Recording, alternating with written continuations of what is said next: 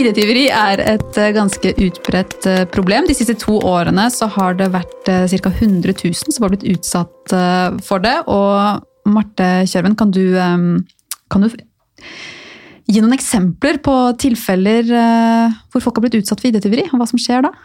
Ja, jeg har jo gjennomgått mange dommer, da, som da gjelder tilfeller hvor bankene har saksøkt personer som, eh, som, er utsatt for eh, ID-tyveri og krever at eh, de skal betale ned på de lånene som svindleren har, har tatt opp. Og da begrunnet med at, at bank-ID-innehaveren, offeret i denne sammenhengen, har vært uaktsom.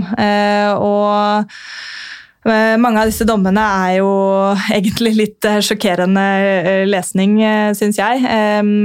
Mange eksempler og ekstremt lite som skal til før du blir ansett for å være ansvarlig. Og et eksempel er da en dame på 93 år med Alzheimer og hjelpeverge, hvor man til og med har sagt ifra til banken at hun har Eh, hjelpeverge, og hun har da skrevet ned bank-ID-passordet sitt.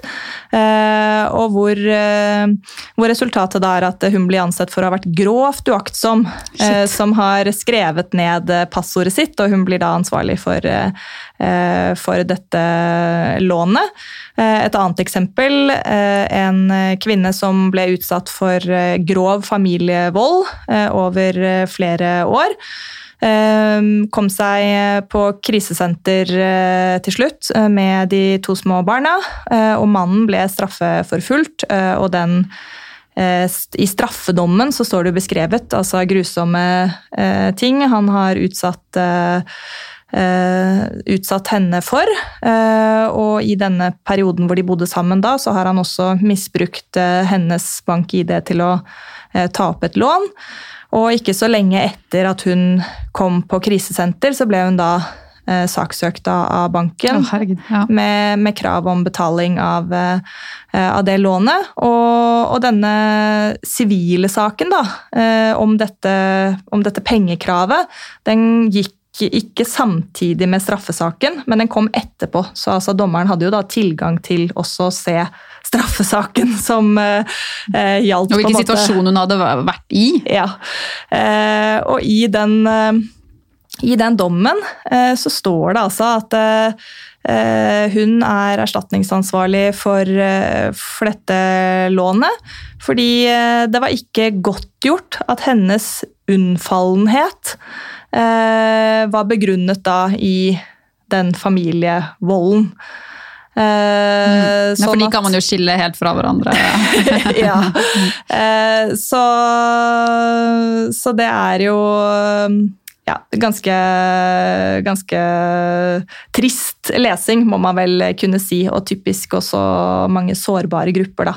Eh, som, eh, som, havner i en sånn situasjon, enten fordi man er gammel og, og, og syk, eller man er eh, ny i landet og Eh, trenger eh, hjelp til å, å kommunisere med Nav. Og, så du trenger jo sant, å bruke bank-ID i veldig mange forskjellige eh, sammenhenger, og skjønner kanskje ikke risikoen eh, heller. Det at du får hjelp til å søke penger hos Nav, at det betyr at den som hjelper deg, kan ta opp lån eh, i ditt navn. Den sammenhengen er nok ikke helt eh, Eh, åpenbar for, for, den gruppen av, av, mennesker. Og så en god del svindel i, i, nære relasjoner, som kan være selvfølgelig vanlige holdt jeg på å si, forhold, men, men også forhold som bærer som preg av av maktubalanse og, og, til dels også fysisk og, og psykisk vold i, i en del tilfeller. Ja, og dette er jo, altså De eksemplene du nevner, det, det, det, er jo ganske hjerterått. rett og slett. Og det er jo sånn mange sånne saker eh, når vi leser dem i media også, hvor folk blir eh, sittende igjen i skikkelig vanskelige situasjoner. Og hvorfor eh, reglene er som de er, og, og hva som kan skje nå fremover med ny regulering, det kan du høre mer om når Marte og jeg snakker mer om det i kommende episode av Juspodden. Takk for nå!